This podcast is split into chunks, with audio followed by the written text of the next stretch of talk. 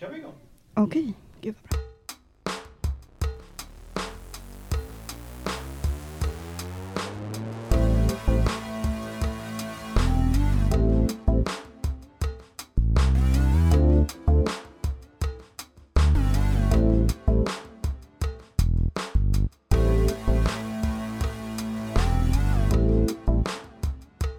Hej och välkomna till Kunskapsluckan, en podd om erfarenhetsbaserad kunskap.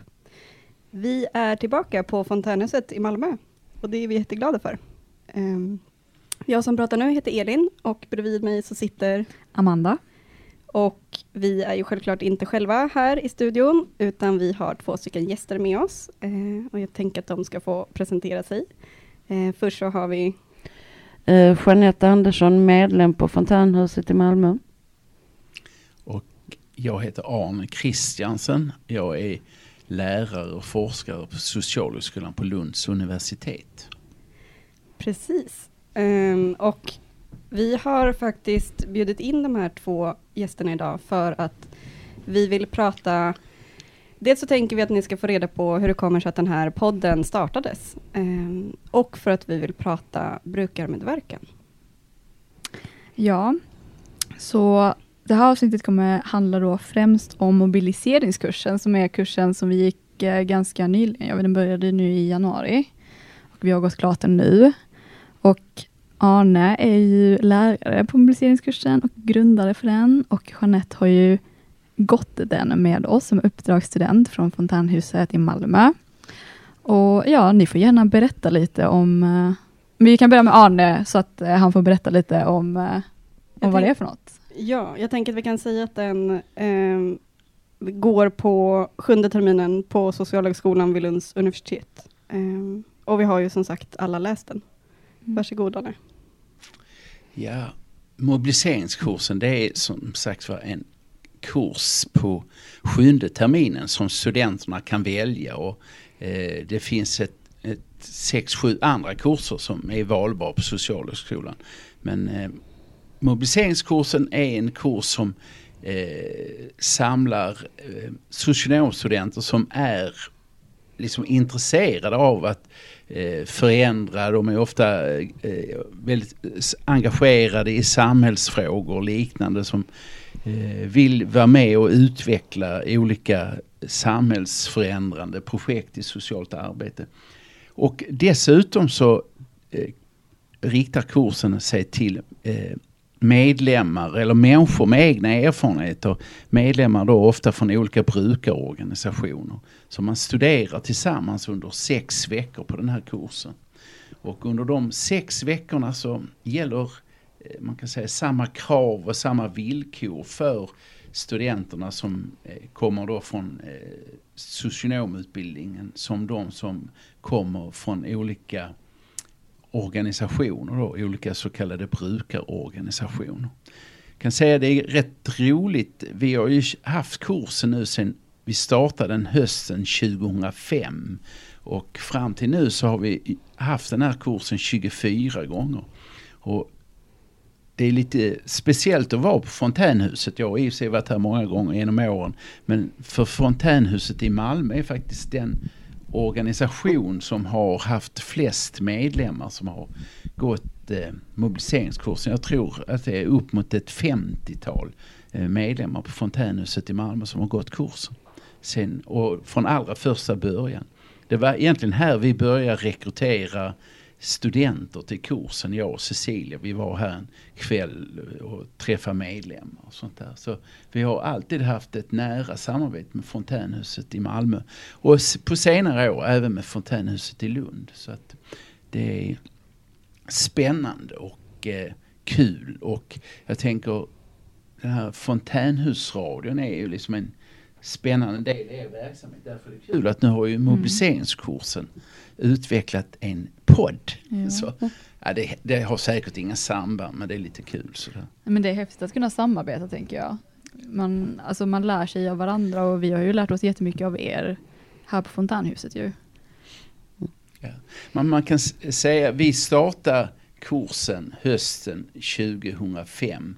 Eh, eh, Det var eh, då Cecilia och, och jag och det var några andra som jobbade då på den tiden med kursen.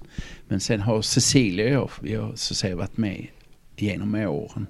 Och man kan säga från början var det ju tänkt som ett experiment egentligen. Det var liksom inte tänkt mer än att vi hade fått pengar eh, via ett EU-projekt, ett så kallat Eagle-projekt. Och vi hade tidigare under ett par år då Eh, arbetat tillsammans, Cecilia och på olika sätt bjudit in eh, olika brukarorganisationer på den här kursen som vi hade då som också var då på sista terminen. Bland annat hade, det var också från Fontänhuset och det var från Basta arbetskooperativ och sådär. Så vi diskuterade då hur vi skulle ändå kunna utveckla det här och någonstans så föddes den idén att vi skulle skapa en kurs där eh, Eh, socionomstudenter och människor med egna erfarenheter skulle studera tillsammans. Så det var liksom en sak vi började utveckla och vi lyckades ganska snabbt också förankra det på Socialhögskolans ledning och eh, man kan säga studierektorn, dåvarande studierektorn blev väldigt engagerad och eh, det var faktiskt hennes förtjänst för hon, hon Eh, tog fram möjligheterna att alla som går kursen ska få 7,5 högskolepoäng oavsett om man är socionom som student eller uppdragsstudent. Och därför kallas studenterna från organisationerna uppdragsstudenter. För eh, man säger administrativt och formellt så går de en kurs som en uppdragsutbildning på då sex veckor. Och uppdragsutbildningar det är en form, en möjlighet som universitet och högskolor har egentligen för att erbjuda eh, kommuner och privata företag akademiska utbildningar för sin personal för att vidareutbilda. Men en poäng med de här uppdragsutbildningarna är att man kan göra undantag från de här vanliga antagningsreglerna. Så man kan gå en akademisk uppdragsutbildning och få eh, högskolepoäng utan att formellt vara behörig för universitetet. Och för oss på eh, eh, mobiliseringskursen så är det, man kan säga, en viktig del att liksom för att kunna skapa så lika villkor som möjligt för studenterna så ska ju självklart alla också ha högskolepoäng som går kursen. Och sen är det en, tror jag, ganska viktigt för många studenter som eh, uppdragsstudent som går att man faktiskt får 7,5 högskolepoäng. Så att eh, ja, det, det, är mycket där. Men sen har vi fortsatt med kursen eh, genom åren och självklart har den utvecklats. De första terminerna de var väldigt spännande och, eh, liksom, och det hände en massa saker innan vi liksom hittade den formen som vi har idag. Men vi gör ju, man säger små förändringar alltid. Men man kan säga i första åren, så, eller de första terminerna, så hade vi väldigt mycket fokus på brukarstudenterna eller uppdragsstudenterna. Eh, socionomstudenterna var ju med men det var ändå eh, uppdragsstudenternas erfarenheter som stod i centrum. Och efter ett tag så när vi liksom diskuterar och vi lärde känna våra studenter så är det ju självklart så att alla som kommer till kursen, även jag och Cecilia, men kanske framförallt socionomstudenter har ju också en massa olika erfarenheter. Så därför har vi liksom utvecklat ett koncept där vi egentligen inte utgår ifrån eh, man säger, uppdragsstudenternas erfarenheter utan vi att alla har spännande erfarenheter att berätta. Så att en viktig utgångspunkt i kursen är just den här erfarenhetsbaserade kunskapen som alla för med sig. Därför ägnar vi de första veckorna åt personliga presentationer. Att alla studenter har ungefär 15 minuter på sig att berätta om vem de är och varför de har valt att gå kursen.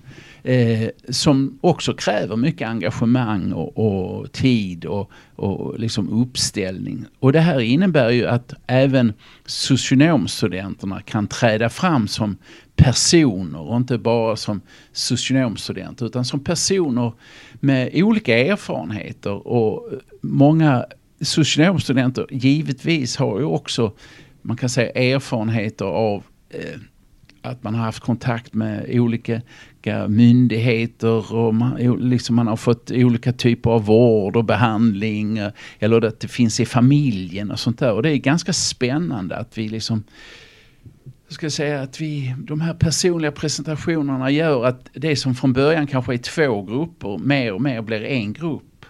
Mm. Ja, nu babblar jag på alltså. Men, ja. Nej, men jag tänker att just eh, det som du pratar om nu är ju en stor inspiration till den här podden. Att, att man får träda fram genom sina erfarenheter och att man får, att de får ta en del av att det är det som har format oss till den vi är idag, oavsett om vi kommer bli socionomer eller inte. Och Jeanette, du, du har ju berättat eh, om dig själv, för du har ju gått kursen kan inte du berätta lite om dig själv och nu också så att de andra kan veta lite om dig?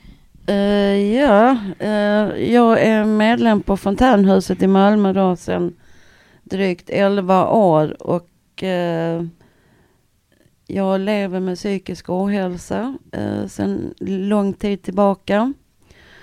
Och som Arne var inne på innan så var det inte så vanligt längre tillbaka, alltså 10-15 år tillbaka, att psykiatrin eh, rekommenderar olika brukarföreningar. Men jag var inlagd på 80, avdelning 84 här i Malmö och hade turen att ha en överläkare där som var eh, före sin tid, om man säger som så. Och han eh, rekommenderade fontänhuset eh, för att man skulle komma in i en rutin och vara aktiv dagligen. Så att eh, det var det bästa beslutet jag har tagit. Det var att komma hit på ett studiebesök. Ehm, det följde med en kompis eller en medpatient så att säga från den avdelningen. Det var egentligen han som skulle gå från början och jag följde med som med eh, stöd. Och eh, han var här två dagar och sen slutar han och jag är kvar. Och då ska jag säga att det första jag såg när jag kom på eh, sån studiebesök eller rundvandring genom huset på fjärde våningen, det var just en affisch om social mobiliseringskurs. Och då stod det att eh, eh, det var en medlem, eh, han, eh, han är inte här så ofta längre, men det stod att som före detta hemlös med dubbeldiagnos, att kunna gå en sån kurs och jag hade, han hade inte ens eh, avslutat gymnasiet och gå på socialhögskolan i en sån kurs och få universitetspoäng. Han sa det var det bästa han hade gjort. När han började här som medlem så skalade han en potatis om dagen i ett par veckor innan han orkar göra mer. Och han tyckte det var fenomenalt att kunna gå på universitetet som en eh, ja, eh, låginkomsttagarfamilj. Så att, eh, och det har ju inspirerat mig mycket. Och det har alltid funnits i min eh, bakhuvud på mig att jag skulle gå den någon gång. Men när jag började här så var jag sjukskriven och hade sjukpenning. Och det var inte på tala om att man skulle få gå en utbildning då. Även om det bara var på fem veckor då. um, och sen fick jag då sjukersättning. Och villkoren där är att man skulle lägga den på vilande för att kunna gå utbildningen. Och det hade jag inte råd med. Och sen kom jag in eh, som ledamot i Sveriges Fontänhus riksförbund i sju och ett halvt år, så då hade jag inte ens tid. Och egentligen så hade jag inte ens tid att gå nu eh, eh, på vårterminen 2019, för jag har precis flyttat och eh, jag har varit i Kanada med Fontänhuset på utbildning. Så jag hade inte ens hunnit landa i lägenheten och eh, eh, och eh, från erfarenheter från resan. Men så tänkte jag, kan inte säga nej en gång till. Mm. Eh, så jag tackar ja och det ångrar jag faktiskt inte. För det var underbara uppdragsstudenter och det var ännu underbarare socionomstudenter och sen härliga lärare. Och eh, totalt jättebra föreläsare. Mm. Måste jag säga. Mm, det håller jag verkligen med om. Um, jag tänker att den här kursen, uh, det behöver inte bli så långrandigt om det. Jag har sagt i diverse sammanhang tidigare att ja, det här var inte mitt förstahandsval.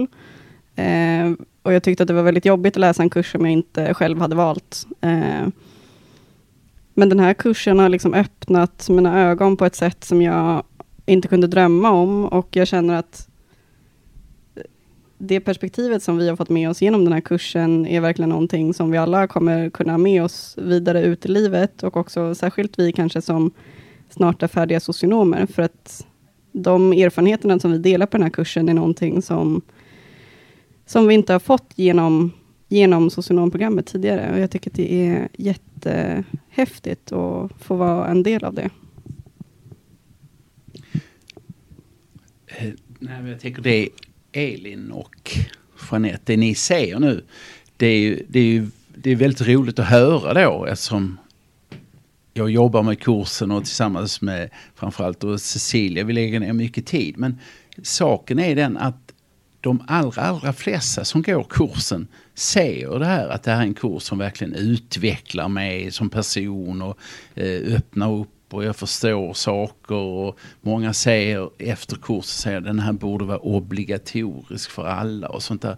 Så det är en speciell kurs och jag tror att man kan säga så att vanliga kurser då på universitet och högskolor, där kan man säga eh, där läser man om saker, man läser om eh, socialt arbete, man läser om varför det är viktigt med ett bra bemötande, man läser om sociala rättigheter och eh, inkludering och segregering och massa sådana här frågor. Men man kan säga poängen med vår kurs det är liksom att vi inte läser om saker utan vi gör det. Vi, vi skapar relationer, nya relationer, vi skapar på något sätt eh, integration och eh, vi skapar en projekt som delvis kommer att leva vidare. Att den, den, är ju handlingsorienterad. Så på just det här, jag tycker det är en viktig poäng det där liksom att vi inte läser om saker utan vi gör, vi gör det vi läser om och sådär. Så att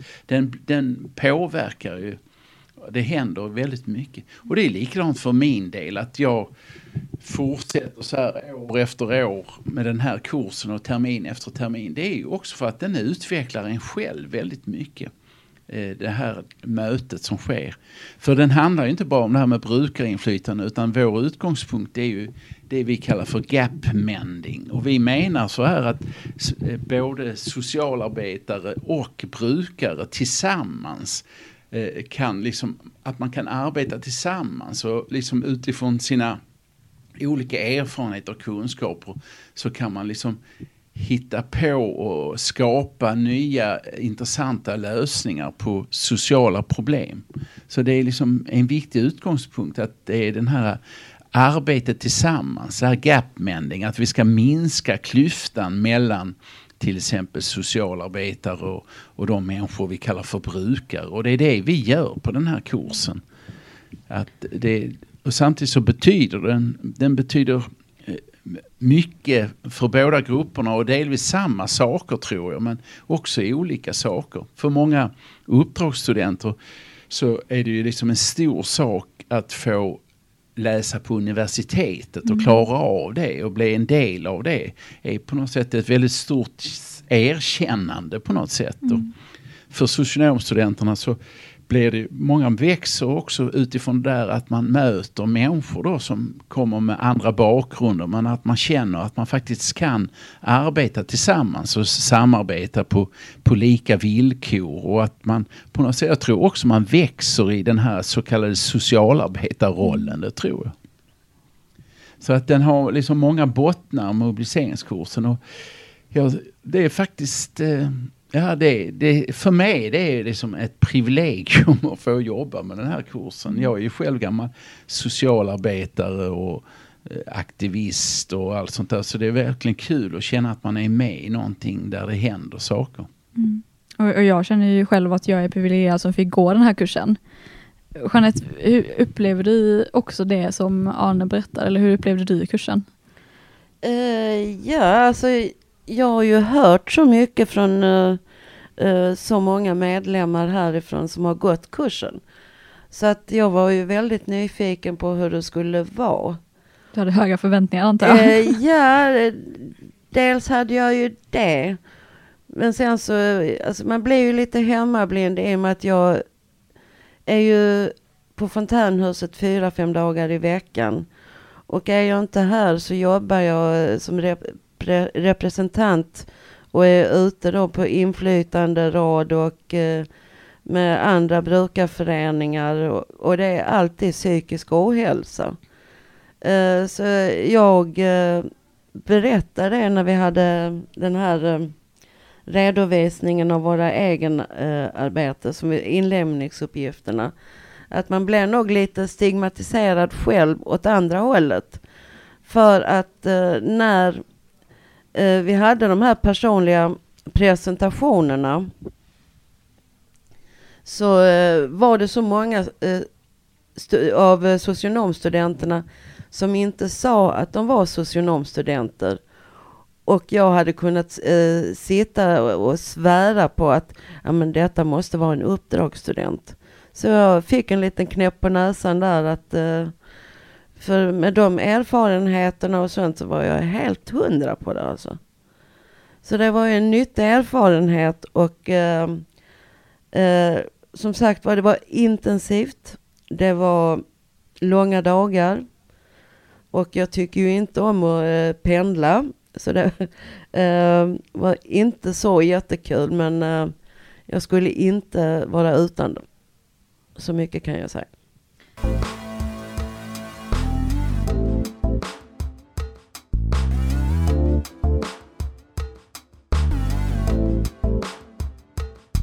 Tänker yeah. eh, just kanske kring, om du vill det Arne, det känns som att eh, min uppfattning är i alla fall att det har funnits ett motstånd kring just den här kursen. Eh, och den finns ju faktiskt bara i Lund. Eh, skulle I du vilja... Sverige? Ja, precis. Exakt. Ja, ja. Men däremot finns den i andra länder. Eh, skulle du vilja berätta lite om det? Vad, vad, vad består det motståndet av, tror du? Det är väldigt många som, som tycker att kursen är intressant och många som har hört av sig och eh, funderat på att eh, göra något liknande. Men det kräver ju ganska mycket att eh, skapa en sån här kurs. Det kräver ju väldigt mycket så att säga eh, alltså att man tänker annorlunda, man organiserar om och att man på något sätt eh, vågar ta de stegen och stå på sig. Sen kräver det ju också väldigt mycket tid och, och eh, ja, resurser. Eh, liksom att man måste engagera sig och satsa. Att det, det är liksom skiljer sig väldigt mycket från eh, man säger, en traditionell kurs när det gäller eh, det, det, den tid och det engagemang som man måste lägga ner helt enkelt. Och eh, sen finns ju också ibland en tendens att man på något sätt eh, man får för stort fokus på hinder och eh, motstånd. Att man på något sätt eh, ser mycket på det än, än, på möjligheterna. Och jag tror att, att vi, vi i Lund har vi, jag måste säga att även om det det säkert har funnits folk som varit skeptiska och undrat vad det är för nytta med så här kurs. Så måste jag säga att vi ändå har haft ett, en schysst uppbackning. Eller inte uppbackning men vi har ändå fått eh, liksom ett indirekt stöd och att man har tyckt det varit okej okay och bra det vi gör under, redan under de första åren i Lund. Men jag tror anledningen att många inte kanske, att inte fler som gör liknande. Det handlar väl om där hur man prioriterar och vad man tycker är viktigt. Och så att, sen är det ju så här också att eh, självklart så är ju socionomutbildningar till viss del en spegling av eh, hur socialt arbete ser ut i samhället. Och då kan man ju säga så här att eh, traditionellt så är det ju kan man säga praktikernas kunskap och forskarnas kunskap som ges utrymme i utbildningar och även i samhället. Och ute i praktiska verksamheter så är det ju framförallt man kan säga praktikernas kunskap som har makt. Där, där står inte heller forskningen så självklart liksom eh, i eh, liksom, liksom ha en central utgångspunkt. För i så fall hade ju eh, Eh, man haft mer brukarinflytande. Och så där. För det finns ju egentligen ett väldigt starkt forskningsstöd för att eh, socialt arbete som fungerar och sånt där, det, det kräver ju ett samarbete med alla inblandade aktörer och inte minst de människor som vi kallar för brukare och deras organisationer. Men man kan säga, ja, där jag eh, ur ett samhällsperspektiv, eller mitt perspektiv uppfattar var det finns motstånd mot brukarinflytande och sånt så är det ju faktiskt eh, ute i, i många verksamheter faktiskt. Alltså att det är eh, bland praktiker men också i, i jag tänker eh, fackförbunden som organiserar socialarbetare.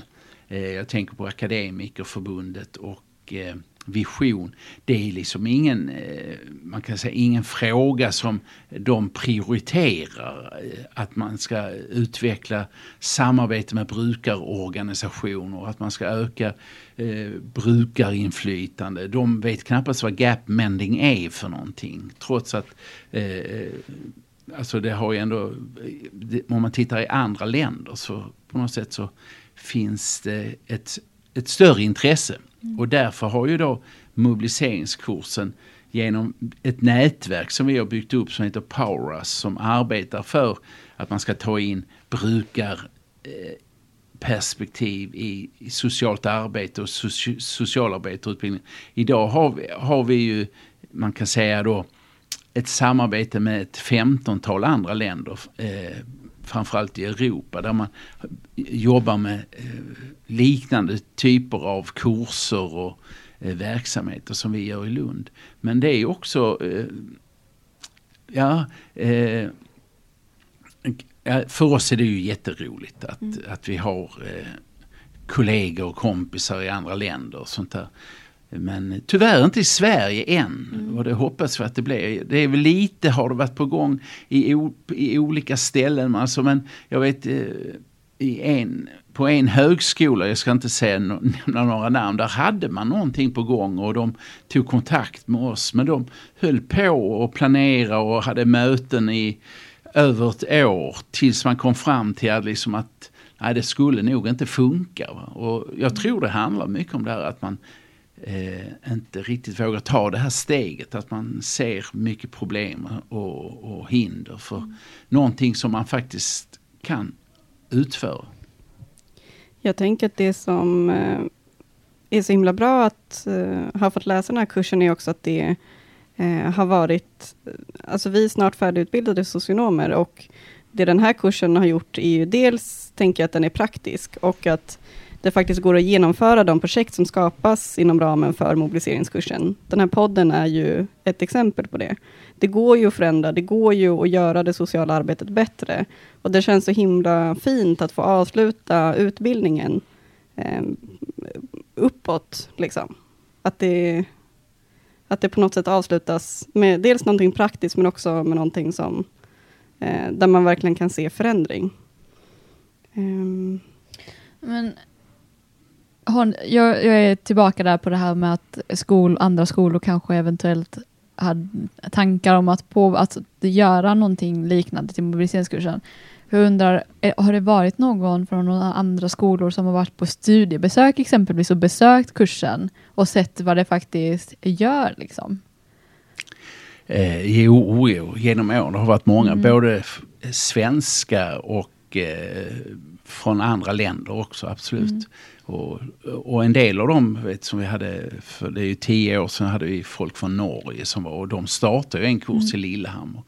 Men den, den finns inte längre. Mm. Men, men, men så att, och i Sverige, jag vet i Göteborg är det väl lite på gång där och de har haft någon kurs där de har försökt pröva sådana här former och sånt mm. där. Så att det finns eh, eh, olika sådana initiativ och intressen. Mm. Så att det och må, många vill, alltså man pratar i socionomutbildning det här att socionomutbildning är inte bara en teoretisk utbildning utan den ska ju också ha en form av personlig utveckling så att man mm. på något sätt klarar av den här socialarbetarrollen mm. och allt den innebär. Va? Och där tror jag att eh, det ni som har gått kursen beskriver det är ju just att det sker faktiskt en personlig utveckling i ens yrkesroll i, i, vår, i vår kurs. Så jag tror att det liksom finns mycket kunskaper och metoder och arbetssätt att hämta från kursen, det tror jag.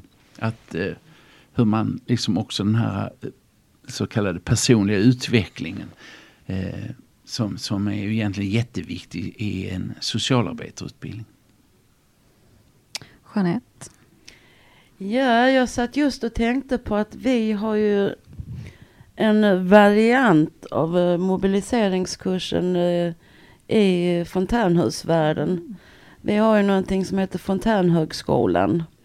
Och det har vi haft i Malmö, Göteborg och Stockholm.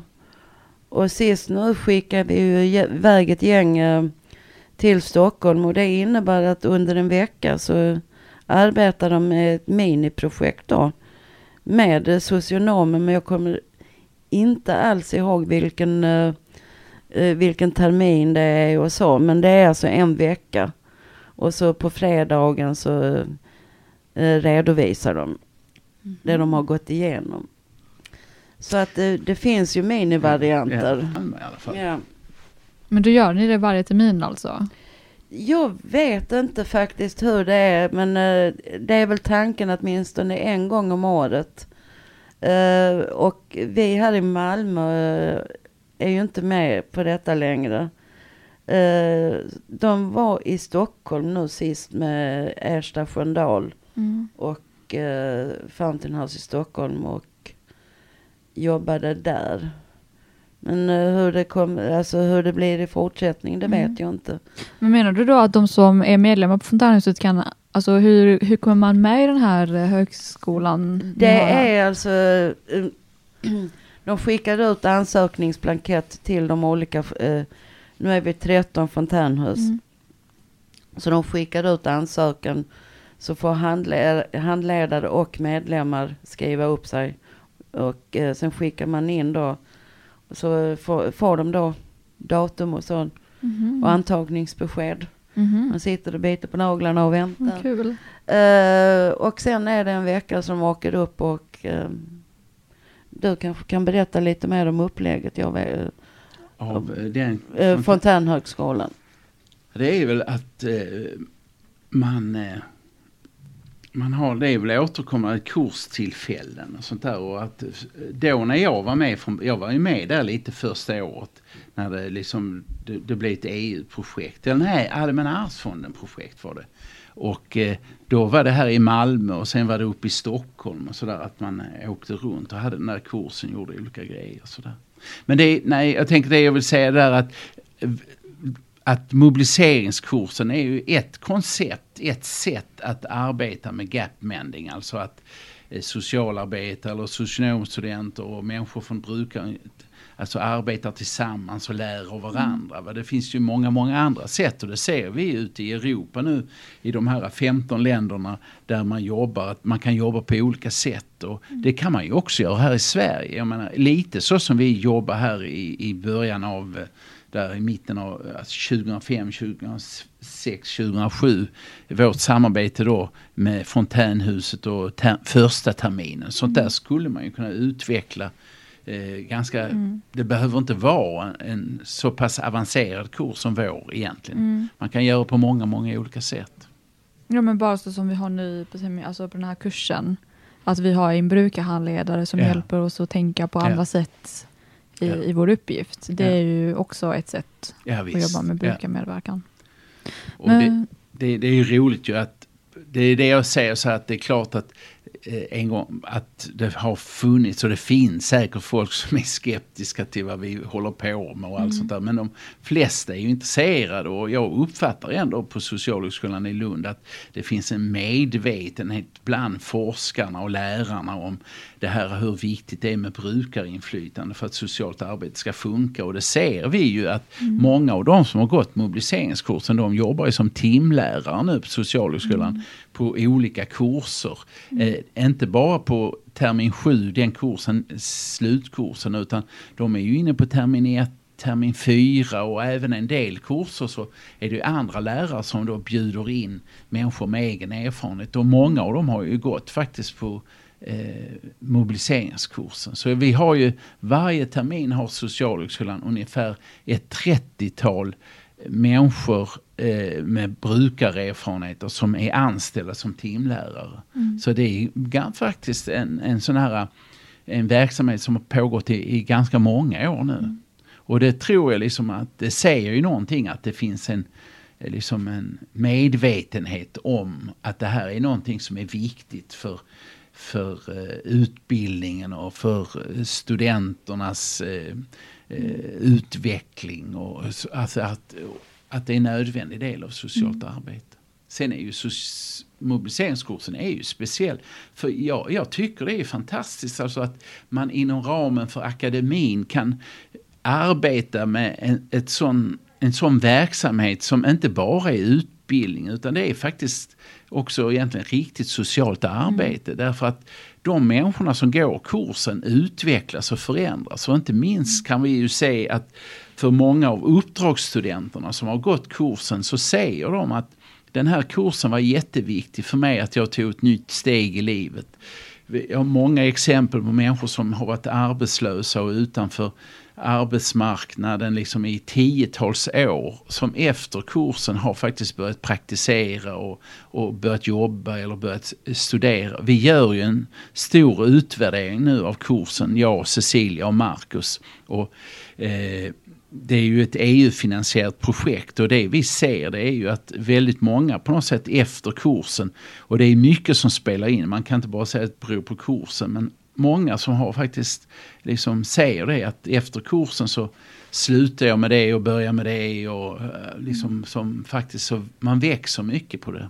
Att man eh, eh, genom det här samarbetet och liknande. Och jag tror det som är viktigt för många uppdragsstudenter det är ju att vi inte behandlar dem som, eh, som brukare eller liksom det, det mest intressanta är inte liksom alla problem de har haft i livet utan vi behandlar dem faktiskt som studenter som går vår kurs och där är allas erfarenheter viktiga. Så jag tror många känner sig liksom betraktade på ett annat sätt. Det tror jag är, är, är väldigt, väldigt viktigt. Så att eh, det, eh, på det sättet är det ju det är ju en drivkraft för mig faktiskt. Att det är faktiskt att det, här, eh, det är ju fantastiskt att kunna göra det här liksom på universitetet. Mm. Jag upplevde, för vi har ju pratat om det, att vi fick eh, göra sådana här personliga presentationer där vi pratade om oss själva. Ehm, och det fick alla studenter göra. Och det, jag tyckte att det bidrog till att eh, vi liksom kom samman som grupp och att vi insåg att men alla som sitter i det här klassrummet har ju också liknande erfarenheter. Eh, hur tyckte ni att det var, Amanda och Jeanette? Ja, alltså för min del så, jag tror jag sa det på avslutningsdagen också, att eh, det där eh, vi och dem tänkandet det släppte ju ganska ordentligt. Eh, jag tror det var tredje eller fjärde dagen när man hade hört många presentera sig. Så att eh, det var ju ganska skönt att veta att liksom vissa, alltså jag är uppväxt med tanken på att akademiker är de som har gott om pengar och har tid och lust och eh, föräldrar som ställer upp ekonomiskt. Men eh, alltså det, det, det så, eh, fick man ju också en knäpp på näsan på där igen. Att, eh, det är ju inte alls så. Eh, det är ju inte bara vi som lever med psykisk ohälsa som eh, har diagnoser så att säga som har haft ett tufft liv. Det finns ju även andra. Och det finns ett liv utanför psykiatrins värld som eh, man, eh, som jag sa innan, man blir nog lite hemmablind när man jobbar med de här frågorna som Fontänhuset och eh, brukarföreningarna gör. Så det öppnar ju ögonen för en definitivt. Och det öppnar eh, möjligheter, tycker jag. För mig, alltså jag, för mig var nog det momentet ganska viktigt. Och jag vet ju att många var lite så här, äh, man är ju lite rädd för att man måste ju öppna sig. Och det är ju inte helt enkelt, speciellt om man äh, som student har man ju inte, jag tycker inte i alla fall att jag har blivit uppmuntrad till att använda den kunskap som jag har beskaffat mig genom mina erfarenheter. Att använda dem under utbildningen har ju kanske inte varit relevant. Eh, så att, att börja med det och att blotta sig lite grann för, för de man kommer gå med liksom i sex veckor framåt, det var, alltså det var befriande. Det var befriande och att liksom man, man, man river ju väggarna mellan varandra och eh, man, vi blev ju en enhetlig klass liksom och, och jag kände att jag kunde prata med vem som helst för att det kändes som att jag kände alla. Det ble, blev ungefär så yes, Ja, jag gjorde det.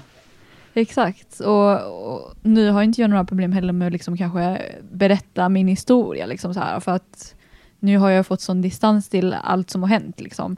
Men, men jag kan tänka mig att alla har inte kanske fått den distansen när man är där och, och att liksom bara berätta någonting om sig själv som är mer än liksom det ytliga.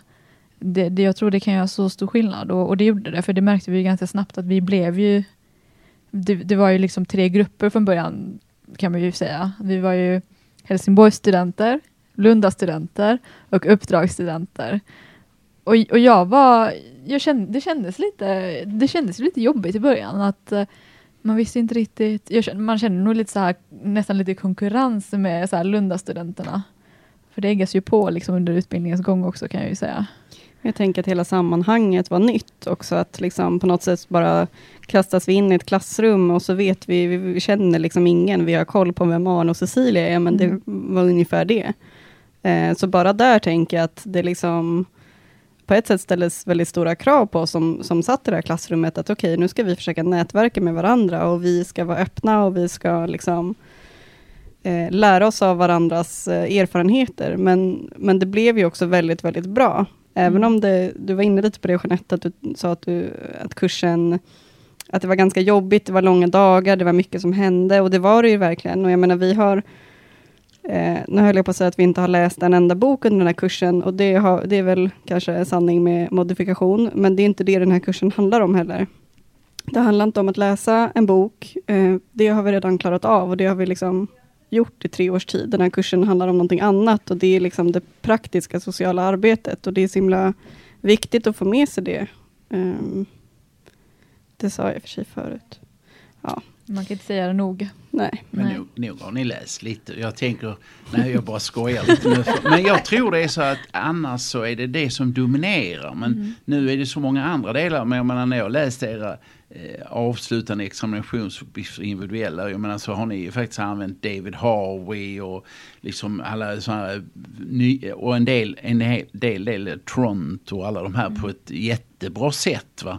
Liksom så att eh, de har ni ändå haft kanske lite nytta av. Men det är inte det, fokus är inte bara på abstrakta teoretiska begrepp utan vi så att säga vi försöker se hur de funkar i, i praktiken på det sättet. Så att, men, men jag tror det är inte det ni kanske primärt kommer ihåg. Alltså, men men eh, det är rätt roligt för eh, jag tycker att ni eh, ja, varit, det är ju där det börjar på något sätt. Så att, mm, det är spännande.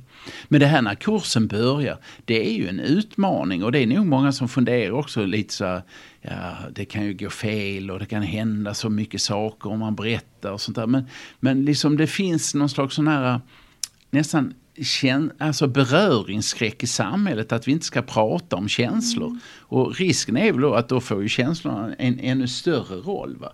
Det är inte farligt om man berättar, alltså vi blir berörda. Jag gråter själv när jag hör eh, studenter berätta om sina liv och jag tänker på eh, saker i mitt eget liv och allt. Och, alltså, men det finns en sån rädsla att det, att att, att det ska liksom sätta igång någonting som man inte kan stoppa. Och jag tror inte det funkar så. Utan tvärtom tror jag att man växer tillsammans på det sättet. Och att ni, man ser det här att man möts en annan sån grund för konflikter. Det är ju att vi har ju mycket fördomar om varandra när vi eh, kommer från olika håll. Och det kan man ju också se någonting vi gör på kursen. Att vi har skapat ett vi jobbar på ett sätt så att vi motverkar och vi bryter ner de här fördomarna. Socionomerna har eh, fördomar om eh, eh, uppdragsstudenterna, uppdragsstudenterna har fördomar om socionomerna och vi lärare alla och vi lär oss. att det är många som säger så här, ja, när jag börjar kursen då, då tänkte jag då ska jag visa de där socionomerna vad livet är och sånt där. Och de bara sitter på ett kontor och Eh, och, liksom, och många har ju, har ju också negativa erfarenheter. Sen efter kursen så säger de så här, faktiskt flera som har sagt så här, nej men nu fattar jag att socialsekreterare de är ju också människor. De är också, det är nog mer deras chefer det är fel på. och vice versa så tror jag då att socionomstudenterna faktiskt ser alla de andra bitarna hos uppdragsstudenterna som vanligtvis inte kommer fram när man pratar om brukare. För då har man ju ofta liksom en sån här väldigt hård problemfixering på något sätt. Man bara faktiskt, de, att man har gjort en massa andra saker också i livet. Så det är liksom där mötena sker tror jag i kursen mycket. Mm. Jeanette, kan inte du berätta lite om allt du gör? För så som Arne säger, brukarna, alltså när man kommer så till en socialkontor eller vad det nu kan vara, så, så tänker man, jaha, men nu ska jag försöka fixa det här, den här personen eller det här problemet som den här personen har.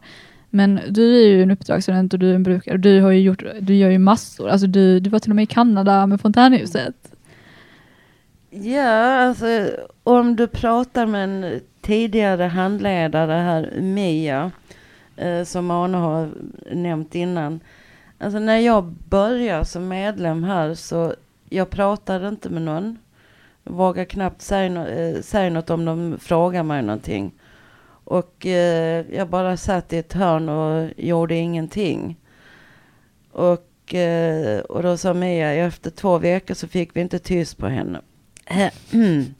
Men eh, det började helt enkelt så att eh, vi har ju en PR-grupp här på Fontänhuset och eh, de behövde hjälp med lite utskrifter. Och eh, det var den dåvarande ena av den, vi hade två chefer, eller vi har två chefer. Men han jobbade, eh, Lasse Jönsson då, som eh, bad mig hjälpa till. Och då tänkte jag, ja men jag kanske liksom behövde ändå. Och det är någonting som fontänhusvärlden är väldigt bra på. Det är att eh, ta in nya medlemmar, eller människor, och känna, eh, få dem känna sig behövda. Och det är något som verkligen stärker ens självförtroende. Och man börjar tänka att jag kanske inte är så jäkla dum i huvudet. Jag kanske inte är så outbildad som alla tror att jag är. Så att eh, då började eh, fontänhuset ut och, eh, alltså de är ute och föreläser då. Och det var ju ett motstånd hos vissa. men det var socionomstudenter både i Lund och Malmö. Vi var hos sjuksköterskor på högskolan här i Malmö. Och poliser, alltså, alltså jag efterlyser att brukare och brukarföreningar kommer med i utbildningarna mycket tidigare. För att uh, sätta en eh, uh, nyutbildad socionom som aldrig har träffat en brukare på ett kontor och de, uh, det kommer in en klient som kanske får en psykos. Stackaren vet ju inte vad de ska göra eller hur de ska bete sig alltså prata om det här. Eh, det har varit, eh, vad ska jag säga, redan sedan eh, länge tillbaka så är ju, finns det ju ett talesätt, våga prata om det. Våga bryta stigma. Och det jag tror jag gäller eh, för alla, inte bara för de som lever med psykisk ohälsa, utan alla. Äh, alkoholi, före detta alkoholister, NA, ARA, allt vad det heter i föreningsliv. Och eh, även äldre. Som är en eh, grupp som inte nämns så ofta. Ja, och det är väl också jag tänker att nu har vi suttit och, och, pratat om mobiliseringskursen ganska länge och anledningen till att vi har gjort det är ju för att den här podden skapades ju under den kursen. Eh, och syftet med podden är ju på något sätt att eh, prata med personer som har erfarenhet av socialt arbete. Eh, dels för att vi saknar det i vår utbildning, men också för att vi på något sätt vill få reda på eh, hur vi kan göra socialt arbete bättre och hur vi som blivande socionomer kan bli bättre i vårt eh, kommande arbetsliv. Eh, hur tänker ni kring det? Har ni någonting ni vill säga till oss? Hur, alltså att, eh, vad ni ska tänka på är Ja, eh, att eh, ni har ju själv upplevt det. Att eh, alla är ju människor. Och eh, jag tyckte alltså på framtidsverkstan när vi var där, då släppte liksom, hade man någon spärr kvar där, liksom, eller anti någonting, anti uppdragsstudenter, anti socionomstudenter, så släppte det ganska ordentligt när vi hade charaderna tyckte jag. För då fick man ju lära sig att samarbeta och eh, all brainstorming vi gjorde där så att eh, eh, där kom ju upp så mycket att eh, ni redan har ganska bra uppfattning om vad ni ska ta med er i en framtida eh, karriär. Om det nu är som socionom eller vad det än är. Mm. Så vilket yrke man än väljer så är det bra att tänka på att eh, behandla andra så som du vill bli behandlad själv. Mm. Känner du att det är någonting som du själv har stött på att, att när du har stött på det sociala arbetet att det har saknats? Ja, alltså eh, jag kan ju berätta om ett par tillfällen. En gång, eh, alltså eh, när man är medlem här på Fontänhuset i Malmö så har vi friskvård två gånger i veckan. Och vi var ett gäng som stod här utanför porten och väntade på att bli upphämtade av eh, husets bil. Och då gick det förbi ett gäng ungdomar. Haha, titta och peka in här. Där är där alla galningarna är. Och ett annat tillfälle så var det att jag tror det var första gången vi skulle ha gallerinatten här. Och eh, det var ett gäng som gick runt och frågade om de fick eh, eh, i butikerna här runt omkring. Om de fick ha eh, några prydnadsgrejer eller vad man nu ska säga som vi kunde ställa ut i våra skyltfönster och visa eh, deras support så att säga. Och då var det ju en eh, tjej som jobbade i en affär. Jag kommer inte ihåg vilken affär det var. Eller kanske inte så bra att nämna. Det. Uh, hon ställde upp och här har ni och just då kom chefen, eller hon som ägde uh, butiken in och sa nej, jag vill inte bli förknippad med det. Något sånt. Så att det är ju grejer som man upplever varje dag på mm. sätt och vis. Alltså ser man någon som sitter och läser tidningen eller sitter med sin mobil och det, det har hänt någonting, någon dödsskjutning eller någonting sånt. De måste vara psykiskt sjuka. Det har ju varit, alltid varit så. Mm. Och när jag växte upp på 70-talet då, då var det ju, det enda man hörde det var ju Sankt Lars, Östra sjukhuset och om det hände något mord, då var det psykiskt sjuka. Mm. Så att det är betydligt öppnare nu. Uh, och uh, det är jag glad för. vad var frågan vad ni skulle göra eller vi tillsammans ska göra så tror jag mm. att vi på olika sätt om vi ska kunna utveckla det sociala arbetet.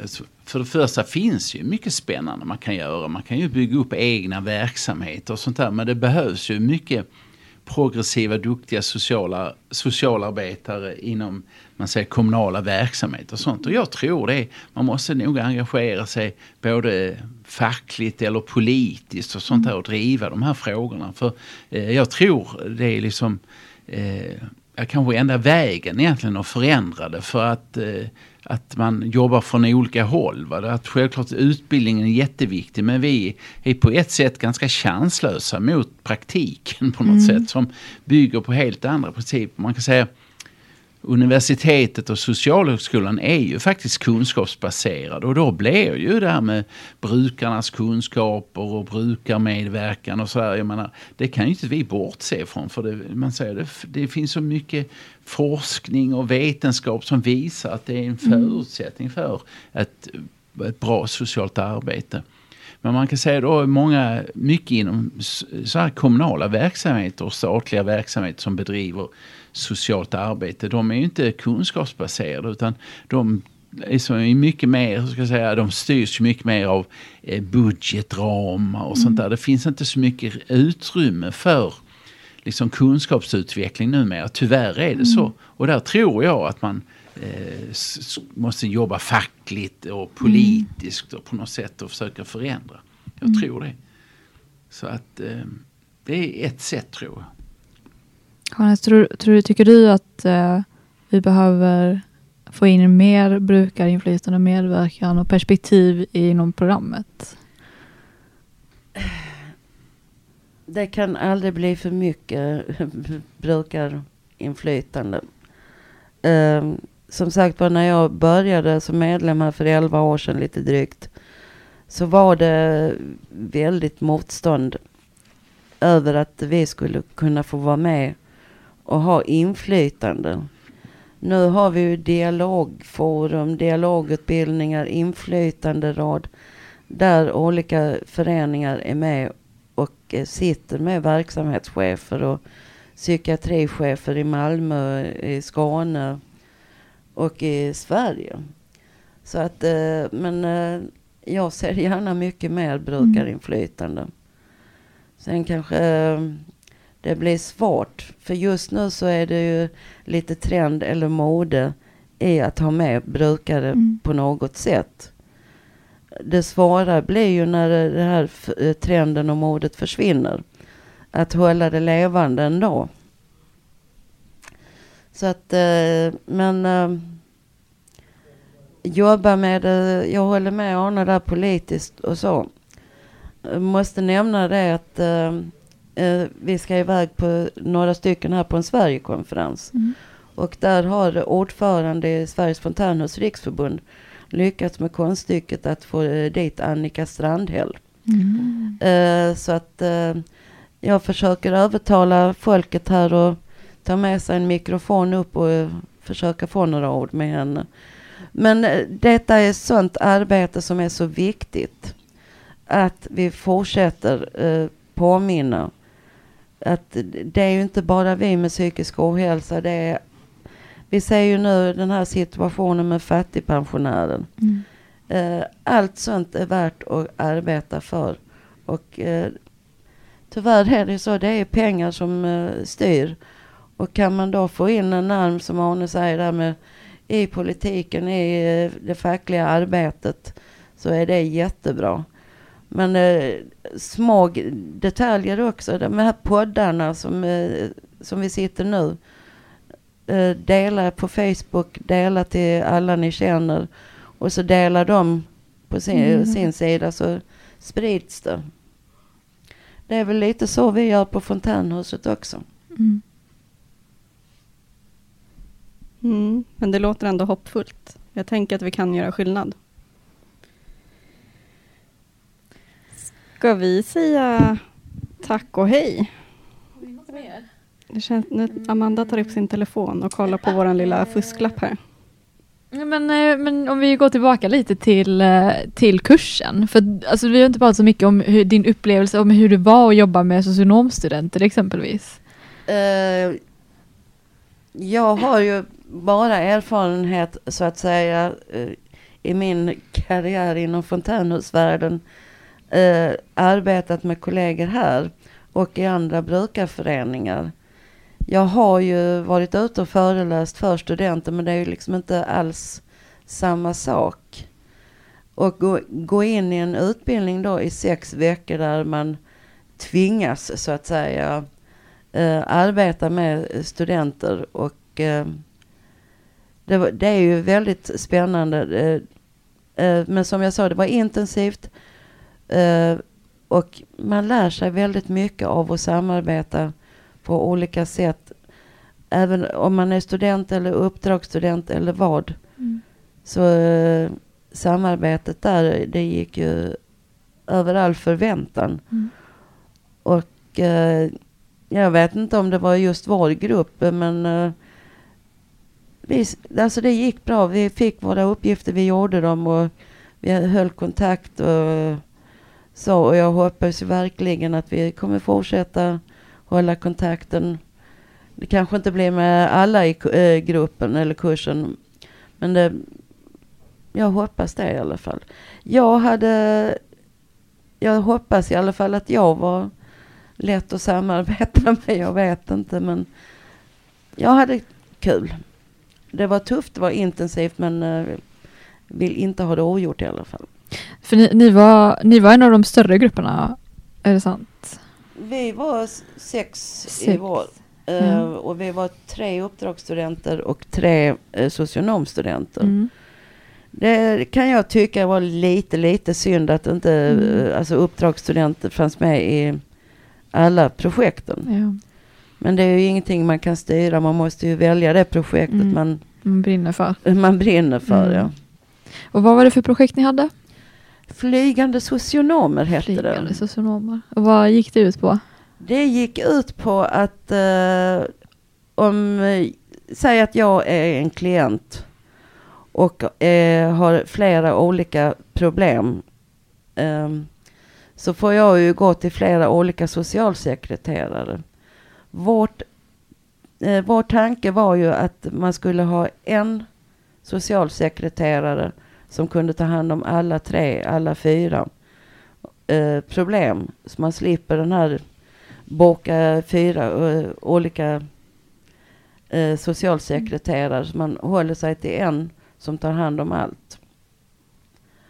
Och det var ett ganska stort projekt. Och vi tänkte ju stort eh, efter rad från Arne. Mm. Eh, vi hade ju tänkt att ta hela Skåne men det blev ju ganska uh, varse om tidigt att det var nog lite för stort tänk. Mm. Så det var ett pilotprojekt i en stadsdel i Helsingborg. Att man skulle vara en sex, sju socialsekreterare med en samordnare och eh, eh, jobba med en klient med, eh, vad heter det, när de har flera problem? Ja, det är flera problem. Ja, ja, jo men de, de, de, de sa ju Det finns en massa sådana ord man Ja. kan använda. Ja. Jag tappar alltid vilka. Samsjuklighet, Ja. multiproblem. och Multi- allt. mm, Multi- Men det är Mm. hemska ord. ja, egentligen är det ju det. Ja, nej men eh, det skulle ju dels spara tid för klienten och dels spara tid när det gäller dokumentationen Mm. och ekonomiskt för eh, st- staden och stadsdelen. I och med att eh, det slipper eh, fyra möten, ist- eh, det blir ett möte istället för fyra. Ja. Så att eh, jag hoppas på, eh, vi sa ju det också i presentationen, eller Sofia som sa det, den, det är lite back to basic. Mm. Det där tänket eh, så som de arbetar på 70-80-talet med eh, sina klienter då. Mm. Att man tog vara på det, var- lite Man mer. kan säga det var ju när socialtjänstlagen kom på 80-talet. Tidigare hade man jobbat uppdelat med barnavård. Man hade en barnavårdsnämnd, nykterhetsnämnd. Så gick alltihop till en socialnämnd och då var ju tanken där med helhetsperspektivet att man skulle jobba på det. Men sen har det skett en sån här uppdelning igen. Av olika skäl. Men vi tänker fortfarande på ett helhetsperspektiv, men vi tänker Va? lite annorlunda när det gäller helhetsperspektivet nu. Ja, Tänker ja. Att, precis. Ja. att man tänker kanske på helhetsperspektivet inom det här. ja, precis. Men man har ju kvar det på Men jag tänker ju att när, man, eller när jag är ute på organis olika organisationer och sånt så känns det som att det, det, det här är någonting som man börjar prata mer och mer om. att man ska gå tillbaka Ja. till hur det var innan. Att man jobbar med all, alltså att man har en person som jobbar med allting istället för att vara uppdelad i stuprören. Ja. Eh, Men det som eh, var mest... Och olika budgetar, det är ju Mm. också... Ja, men det var ju också det, det som var mest irriterande när eh, Moa berättade om en, när hon praktiserade här i Malmö. Jag vet inte var någonstans, men det var ju en klient då som satt på familjeavdelningen. De sitter alltså i samma byggnad. Och sen hade hon, Eh, eh, klienten då en bokning till ekonomiskt bistånd och missar, får avslag på ekonomiskt bistånd för att eh, de är upptagna på familjer. Och de kan inte ens kolla, alltså de har inte ens samma, eh, eh, vad heter det? Nu tappar jag orden igen. Att de inte har någon kontakt med varandra. Precis, Mm. alltså att eh, ekonomiskt bistånd kan inte säga att personen, Mm. inte samma databas, inte samma system. Att de inte ens kan säga att den sitter på eh, en våning ner bara. Mm. Och är upptagen med en annan socialsekreterare. Ja. Ja, det är konstigt sånt där. Ja, det, alltså det är ju skrämmande och det, det är ju lite tanken att det inte ska få ske. Mm. Att de inte ska hamna mellan stolarna. Att det inte ska finnas fyra socialsekreterare. Att man måste berätta Mm. sin historia för, eh, om och om och om Mm. igen. Varför du söker ekonomiskt bistånd, varför du behöver hjälp med bostad. Mm. Där tänk, Ja, ja, förlåt. nej, men där tänker jag att det är viktigt ehm, att vi också samarbetar liksom, över enheterna i den Mm. mån vi kan det. eh, för att det här exemplet inte ska liksom, upprepa sig. För det är ju det är helt fruktansvärt. Och det finns ju inget, inget klientperspektiv i det överhuvudtaget. Nej, och jag, jag tänker att jag har ju, det känns som att det är så vanligt att man jobbar inom en verksamhet och att det finns bara motstånd genom att jobba med den här andra verksamheten som också är socialarbetare och jobbar med vår klient, vår gemensamma klient, men att, man, att det inte finns någon samarbetsvilja mellan där och då hur ska det finnas någon samarbetsvilja mellan klient, alltså det, det blir liksom en, en kaka av alltihopa på något Mm. sätt. Och så undrar de varför folk har någonting emot myndigheter. Mm. Alltså när det blir sånt här eh, tänk. Ja. Jag tänkte en grej med kursen, det är ju det här med att vi, eh, en viktig del av kursen är ju att man utvecklar projekt ju. Mm. Och man kan lära sig en del om hur, hur man ska, kan eh, bygga upp en projektplan och hur man kan leda projekt och sånt där. Och att eh, en stor del av kursen så jobbar ju studenterna med den här projektutvecklingen i grupper som är, är man har visserligen handledning men man är ju faktiskt väldigt självstyrande. Sen presenteras de här projektidéerna för en extern projektpanel med, med personer då med, som kommer från olika håll. Det är politiker, det är verksamhetschefer och eh, forskare men också någon som representerar brukarintresse som kan ge synpunkter på de här projekten. Men något som också är väldigt roligt är att en del av de här projekten som har utvecklats genom ganska många faktiskt har levt vidare på olika sätt. Och den här podden är ju faktiskt ett exempel på det. Att de här projekten på något sätt har en relevans på det sättet för att de faktiskt kan leva vidare. Jag tycker det är så häftigt att vi kan göra någonting som, att det behövs inte så mycket för att kunna skapa någonting som gör skillnad. Och att vi, vi kan jobba vidare med det om vi vill, eller så kan vi lämna vidare till någon annan och jobba med det. Och ibland så behövs det inga resurser, och ibland så behövs det jättemånga, men att det också finns chans för det att leva vidare om man behöver. Alltså att, att det finns pengar man kan söka, att det finns personer man kan kontakta. Och när, nu när vi har gått den här kursen så upplever jag att alla har varit jättepositiva till allting. Så det, finns ju, det känns som att efter man har gått kursen att man känner att man har alla möjligheter i världen att, att göra någonting. Och det, det är bara viljan som ska finnas på något sätt. Så det är häftigt. Mm, jag tänker att viljan växer ju eh, verkligen genom den här kursen. Ja. Och det, ja men som du säger, det är häftigt att det faktiskt, det går ju att genomföra och det går att förändra.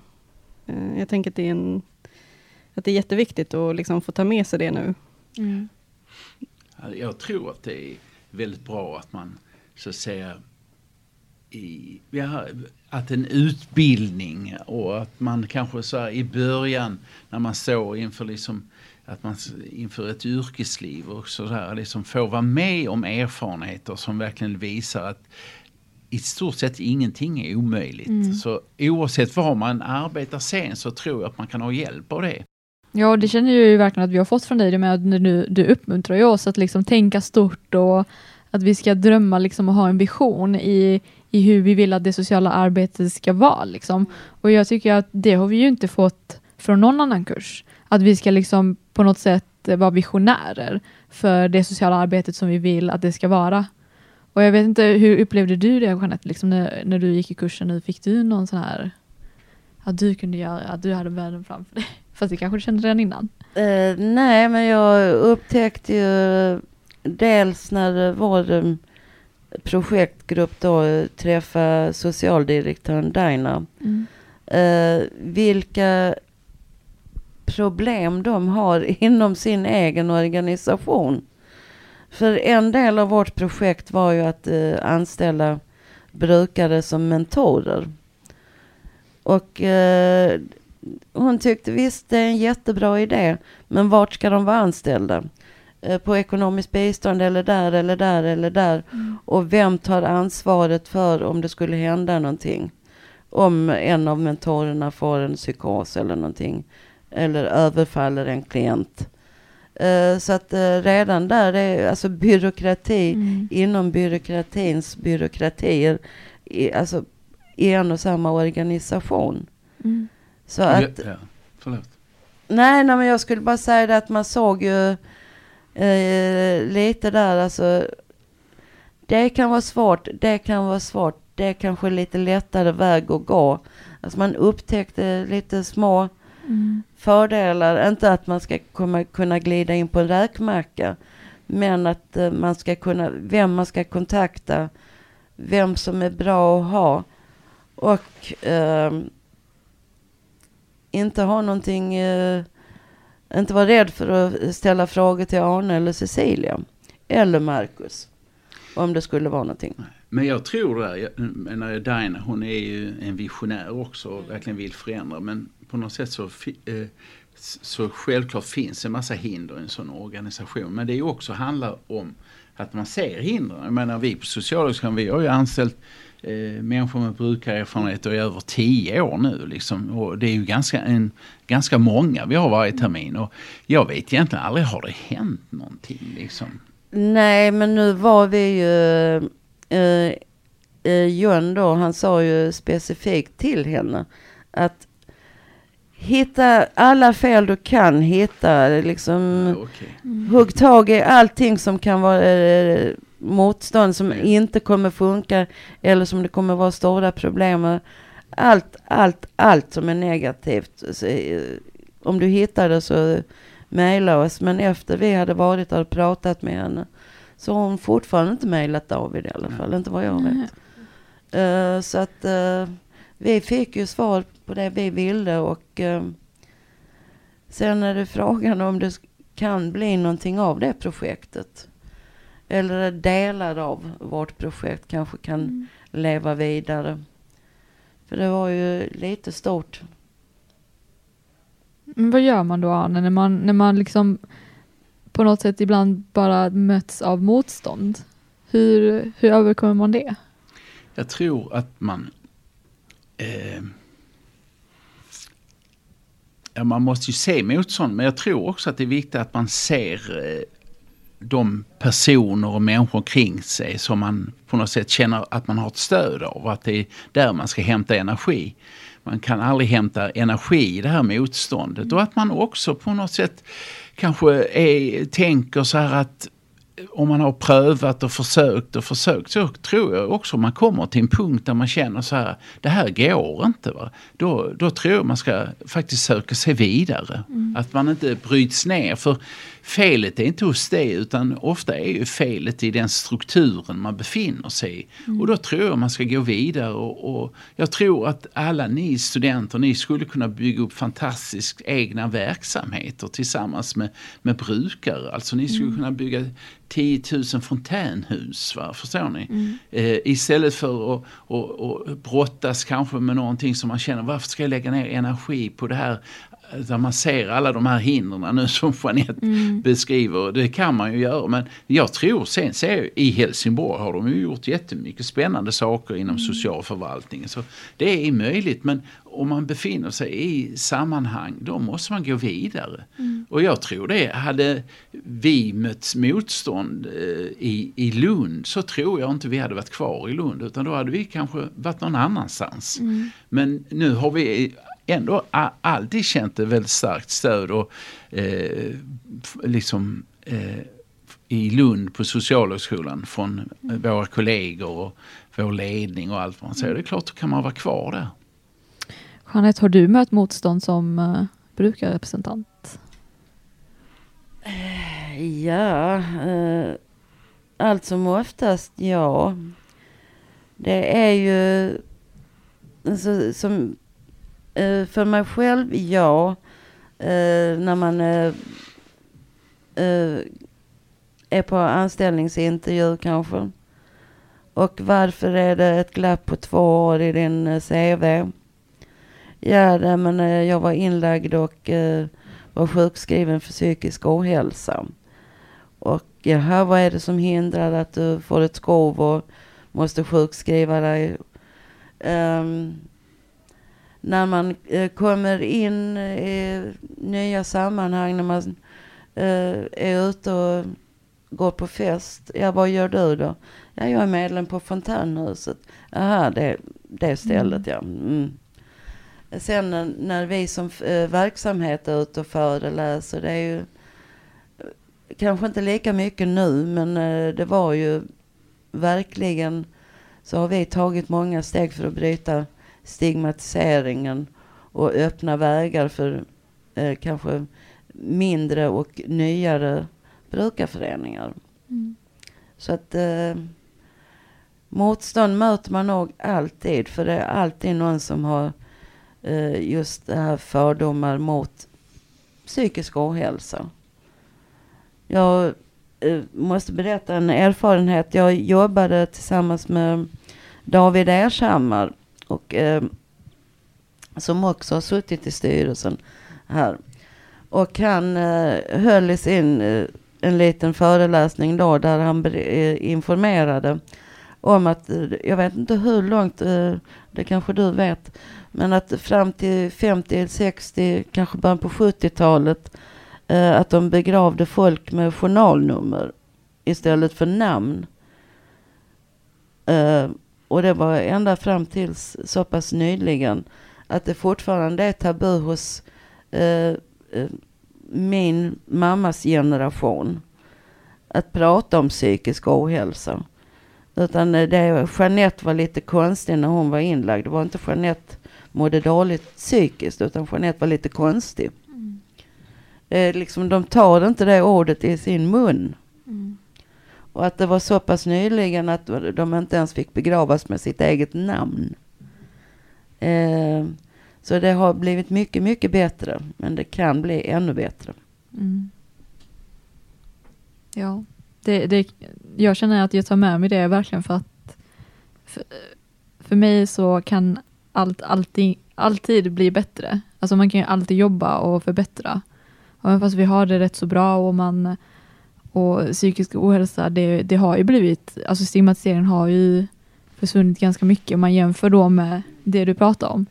Men det finns ju fortfarande problem och unga mår ju jättedåligt. Och, och det är ju ett samhällsproblem som vi behöver jobba med. Ja, konststycket är ju att fånga upp alla som mår dåligt. Exakt. Okej, jag känner att syret håller på att ta Ja. slut här inne. Det känner jag också. ja. Jag tänker att vi avslutar dagens avsnitt här. Eh, så vi vill såklart tacka Fontänhuset för, i Malmö för att vi fick vara här och spela in. Och vi vill tacka Jeanette och Arne för att ni ville gästa våran podd. Tack för att vi fick komma hit. Eller- Tack själv. Tack så mycket. Ska vi säga hej då? Ja, vi säger hej då. Hej då. Hej då! Hej då. Hej.